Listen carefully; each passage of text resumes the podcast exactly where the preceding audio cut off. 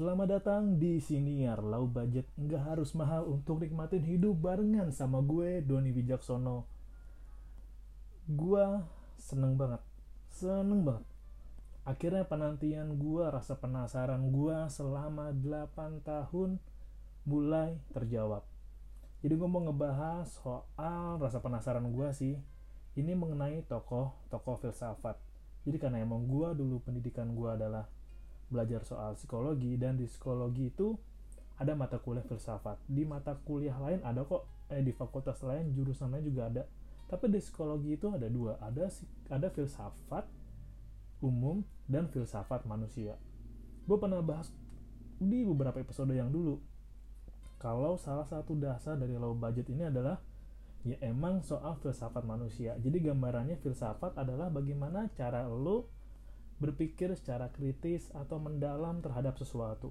Gue bahkan inget sih, di materi filsafat itu ada banyak aliran, banyak maz, mahzab, mazhab ya. Terus di buku filsafat umum juga gue inget ada nih, lu pernah denger nggak? Ada definisi dari berpikir, bahkan juga ada definisi dari definisi. Gue inget banget sih, salah satu pertanyaan yang pertama kali ditanyain dosen. Dulu dosen gue Pak Jakobus. Gue masih ingat nih semester 1 masuk beliau datang duduk. Gue kan termasuk bocah-bocah yang ya nyenak tolol dulu ya. Duduk paling belakang kan gue inget banget dulu anak paling belakang pala masih botak-botak habis ospek. Datanglah Pak Jakobus duduk set. Apa yang dia pertanyaan gue masih ingat sampai sekarang. Kira-kira eh, oh bukan. Apakah filsafat itu penting? Dan apakah filsafat itu digunakan dalam hal kerja? Kalian robek kertas kalian tulis jawabannya. Gue inget banget tuh. Beberapa kita kebagi dua lah. Ada yang setuju nggak setuju. Nggak setuju karena di pekerjaan membutuhkan ya teknik praktikal dan lebih banyak ke teknis. Tapi ada yang setuju juga karena kalau filsafat itu ngasih tahu bahwa lu diminta berpikir lebih dalam untuk menganalisa sesuatu. Jadi kalau filsafat kan tahunya kita berpikir berpikir berpikir terus. Ya bahkan katanya nggak ada actionnya. Tapi yang gua rasain sekarang adalah ini garis yang gua tarik yang panjang banget dan garisnya itu mulai kelihatan hubungannya. Titik-titiknya itu udah mulai terhubung dari zaman gua dulu 2011 sampai ke sekarang bahwa ya menurut gue filsafat itu penting dan di filsafat itu ada tiga orang tokoh yang dibilang menjadi tokoh filsuf atau dasar-dasar filsuf lah hmm, para bapak pendirinya mungkin bisa dibilang founding fathernya itu ada Socrates, Aristoteles, dan Plato. Nah, gue inget banget di 2014 semester 4 eh sorry 2000 2000 2012 semester 4 gue punya pertanyaan buat dosen gue Kenapa pada zaman dahulu pendapat Socrates, Aristoteles, dan Plato yang paling diperdengarkan? Karena pada zaman itu banyak orang berkumpul, banyak pendapat berkumpul, tapi kenapa hanya pendapat tiga orang ini yang paling diperdengarkan? Sebelum masuk ke sana, lu bisa deh cari tahu soal mereka. SAP. Plato itu terkenal akan benua Atlantis dan perdebatan Socrates Plato adalah soal keterikatan antara tubuh dan pikiran. Jadi mereka sering bertentangan nih. Apakah pikiran mempengaruhi tubuh? Apakah tubuh mempengaruhi pikiran? Dan banyak hal lain sih yang bisa nanti lo cek, lo cari tahu. Angkatan mereka banyak banget. Mungkin emang angkatan-angkatan Yunani lah ya. Gue masih agak penasaran sih kenapa yang diambil adalah gambaran besar tokoh Yunani.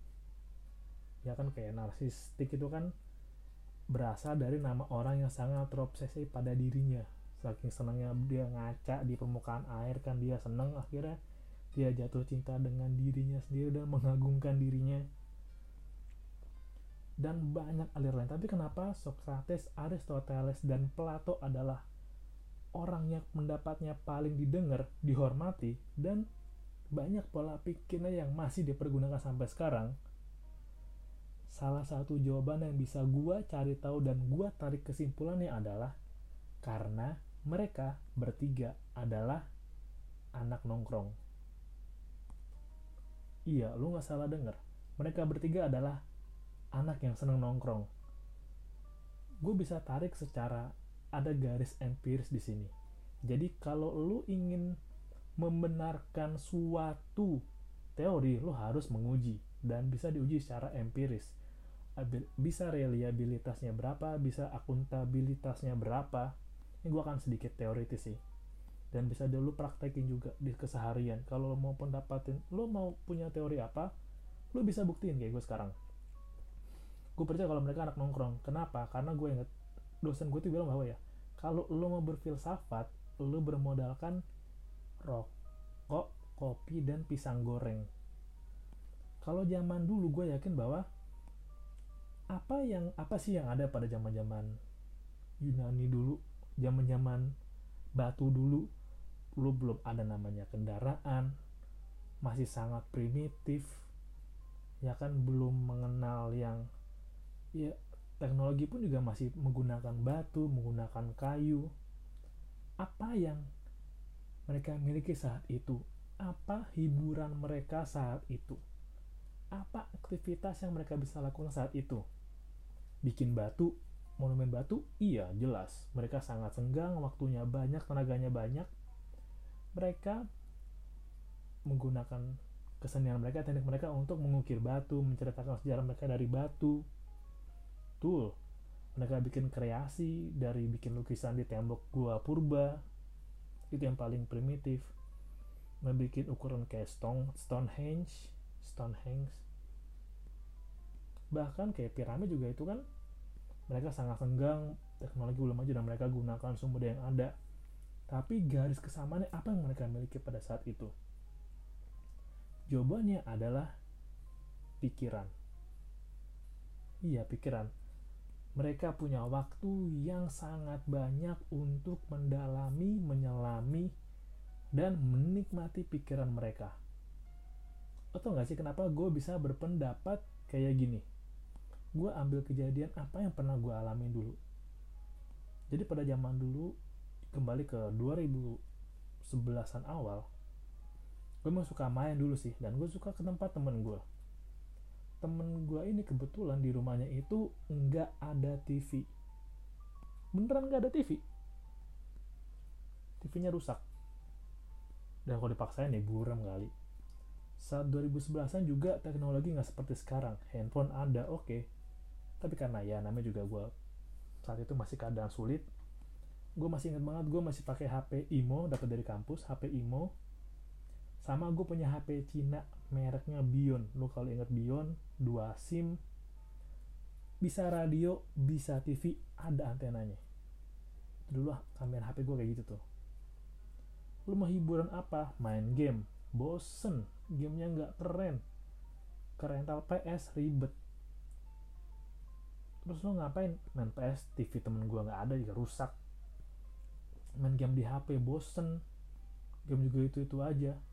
Ketika kumpul bertiga gitu berdua apa yang lo lakuin? Ngisi TTS iya gue beneran gue suka ngisi TTS temen gue jago banget ngisi TTS sampai full tanpa nyontek tanpa ngeliat bantuan. Full keisi bisa sampai satu buku sendiri kali. Kedua adalah ngobrol. Ngobrol asli. Saking lamanya kita ngobrol nih kita bisa ngobrol dari jam katakanlah jam 8 jam 9 malam sampai jam 4 pagi. Itu kebanyakan ngobrol. Selain ngopi temen gue ngatin temen gue ngerokok. Gue ngerokok kan karena sambil makan beli gorengan terus ngobrol. Ngobrol aja ngobrol. Kalau bete sekali buka HP buka Opera Mini baca-baca artikel atau gue buka Facebook ngeliat-ngeliat meme lucu atau jokes lucu. Ini mau ngapain lagi? Lu cuma bisa ngobrol isi TTS dan ngobrol. Dan semakin malam obrolan topik pembahasannya itu akan semakin di luar jangkauan. Asli deh makanya ada istilah namanya late night conversation. Semakin dalam obrolan semakin malam akan semakin jujur dan mendalam. Dari ngobrolin ngomongin orang ngomongin masalah keluarga lah kayak masalah cewek sampai masalah pemerintah masalah di masyarakat sampai ngebahasin agama sampai ngobrol soal firman Tuhan sampai ngobrol kira-kira hidup setelah eh kehidupan setelah kematian tuh ada nggak ya? Sampai ngebahas bagaimana semesta wow. Dan gue yakin pada zaman dulu bahwa, bahwa mereka ini masih masih itu masih muda lah pasti zaman dulu kan belum ada pekerjaan belum kenal namanya kerja senin sampai jumat bahkan belum ada hari mungkin gue juga nggak tahu belum ada bisa pergi ke kantor istirahat makan siang mereka cuma membawa atau cuma memiliki diri mereka dan pakaian mereka. Bagaimana cara mereka mengasah pikiran? Bagaimana tiga orang ini mengasah pikiran? Pasti mereka punya kemampuan observasi yang kuat, ketemu banyak orang, dan pasti menjelajah, melihat banyak tempat. Atau mungkin kalau zaman dulu sudah ada ya kitab atau kertas dari papirus mereka periksa mereka ngobrol mereka sekuat itu karena lu bayangin penerapan teori 10.000 jam sudah dilakuin dari zaman dulu banget bahkan mereka bisa dapetin 10.000 jam lebih cepat karena kita nggak pernah tahu mereka dulu sudah pernah berkumpul di kafe di sebuah tempat atau sebuah tongkrongan yang bisa ngebahas apa pun soal duniawi, soal keadaan semesta dari pagi sampai malam. Kenapa mereka bisa begitu? Karena belum ada yang namanya jam malam, belum ada yang namanya begal, belum ada yang namanya yo jangan tidur malam-malam, besok pagi kerja, besok pagi sekolah, belum ada. Kalaupun ada juga nggak seperti sekarang peraturannya. Jadi mereka bisa diskusi banyak hal ngobrol banyak hal. Dan bagaimana mereka membuktikan pikiran mereka? Dengan menguji ide mereka. Kayak misalkan oh gini gua nggak percaya ya kalau gua nggak percaya bumi datar. Misalnya ada teori kayak saya percaya bumi datar. Oke kita uji. Oke pertama ya lu bisa tes dengan jalanin kapal gitu sejauh mungkin. Ya karena kapalnya bakal jatuh nggak ya ke bawah? Itu kan? Atau apakah kalau kita tinggal di sini di bawah dunia lain ini kita ada ini nggak sih? Ada kehidupan lain juga. Nah gue masih nggak percaya bumi datar sih. Makanya pas zaman dulu ada gambaran bahwa bumi itu bulat itu juga ditentang kan karena tidak sesuai dengan doktrin agama. Begitu pula saat ini gue lupa nih Galileo Galilei apa siapa ya? Ia mengatakan bahwa bumi itu bukan pusat semesta, melainkan matahari. Ya memang pada saat itu pengujian atau cara untuk mengetahui apakah ada planet lain selain kita itu bagian kita nggak tahu tapi hebatnya memang kayak seperti Leonardo da Vinci mampu menciptakan wah Leonardo da Vinci itu ternyata penemuannya lebih banyak dibandingkan Mona Lisa. Beliau seorang ini kayak gue baca di Da Vinci Code deh. Gambarnya beliau tuh seorang seorang seniman juga filsafat juga seorang pemikir mendalam soal agama peduli soal gue coba kesehatan nggak tapi soal ilmu kedokteran. Beliau kalau nggak salah pelopor ini Da Vinci itu pelopor orang yang mau mempelajari bedah anatomi pertama. Itu gue baca dari buku Da Vinci Code. Nanti lo coba deh. Kalau cek lagi di buku itu. Dan memang kelihatan sih kelihatan banget. Mereka punya waktu yang senggang mereka belum kenal namanya gaji. Saat dulu emang kelebihan zaman dulu adalah lo bebas lo punya free time yang banyak banget lo nggak ada tuntutan buat beli pampers zaman dulu.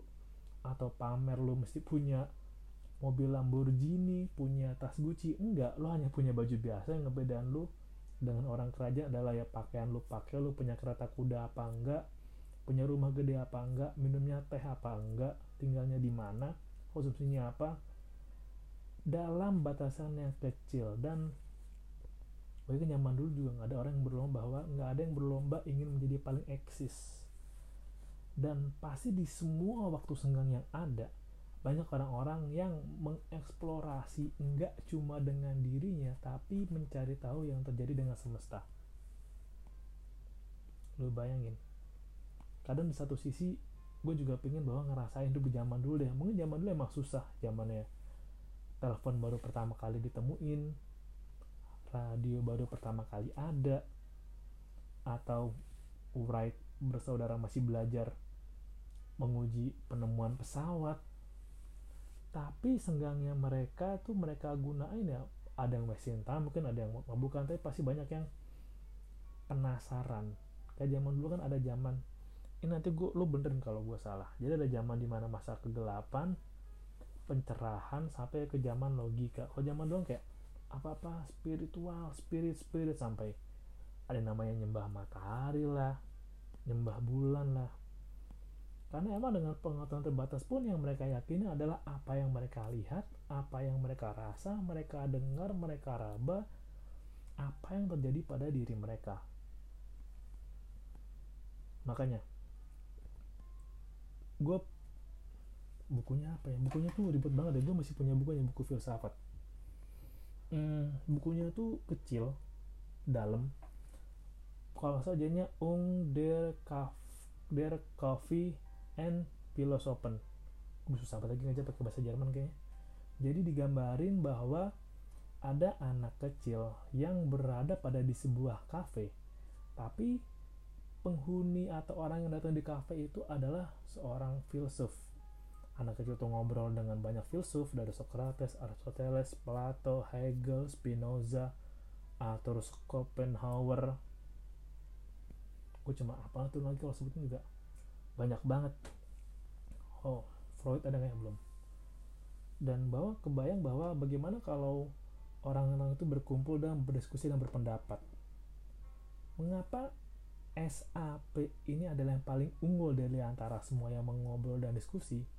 Karena mereka pasti mampu menjawab tantangan yang ada, pemikiran yang ada, pembantahan yang ada, teori lain yang ada dan bisa dibuktikan dengan sangat logis. Karena memang pemikiran logis belum seluas sekarang, belum sedalam sekarang, tapi hebatnya adalah pemikiran mereka mampu berpikir jauh ke depan.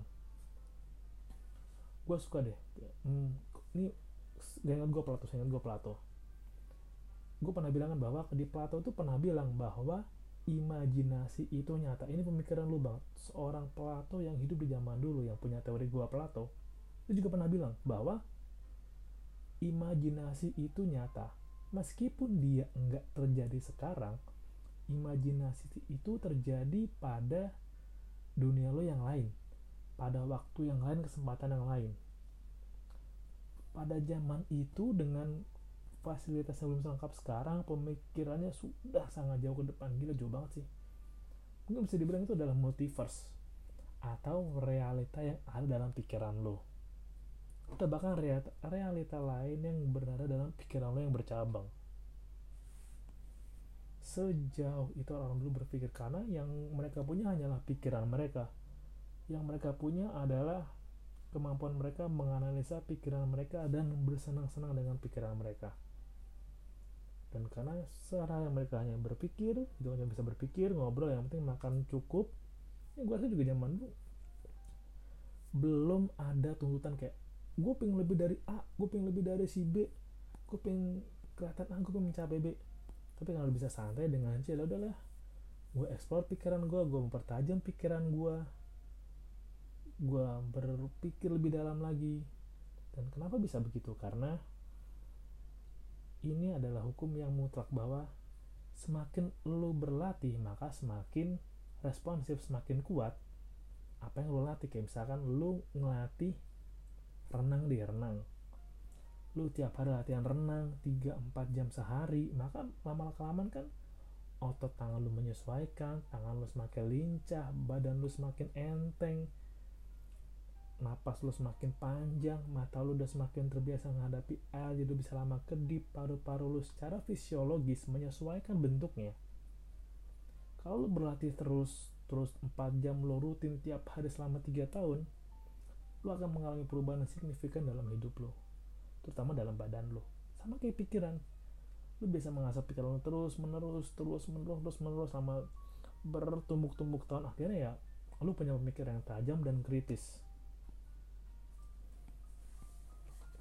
sama juga ini. Hmm, ini gue pernah baca risetnya. Ini riset lama sih lo bisa cek. Gue rasa masih valid.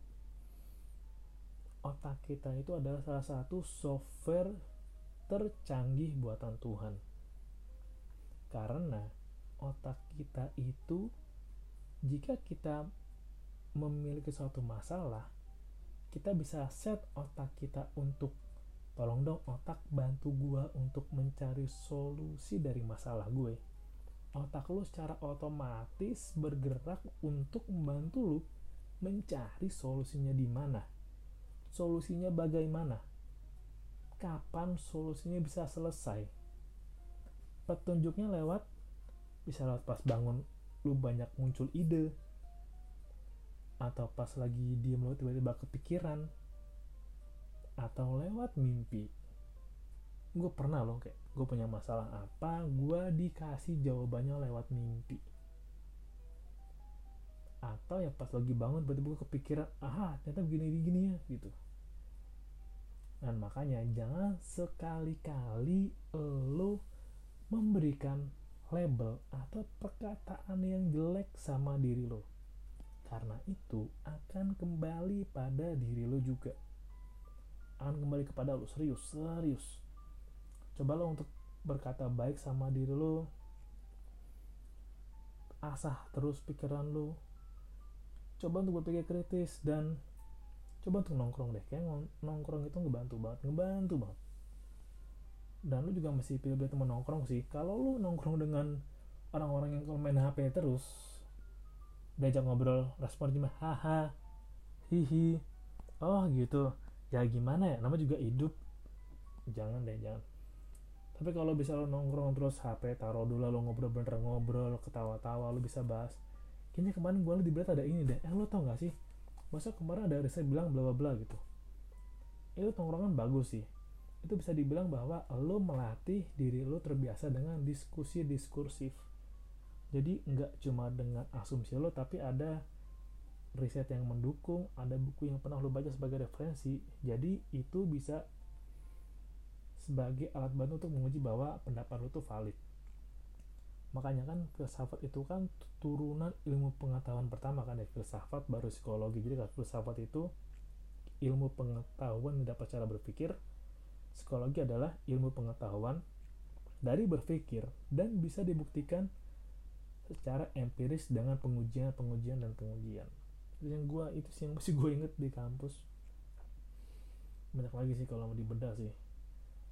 Sungguhnya emang menyenangkan kalau emang lu seneng ngobrol dan lu seneng berinteraksi dan lu seneng lah gitu mempelajarin alasan dalam seseorang melakukan sesuatu.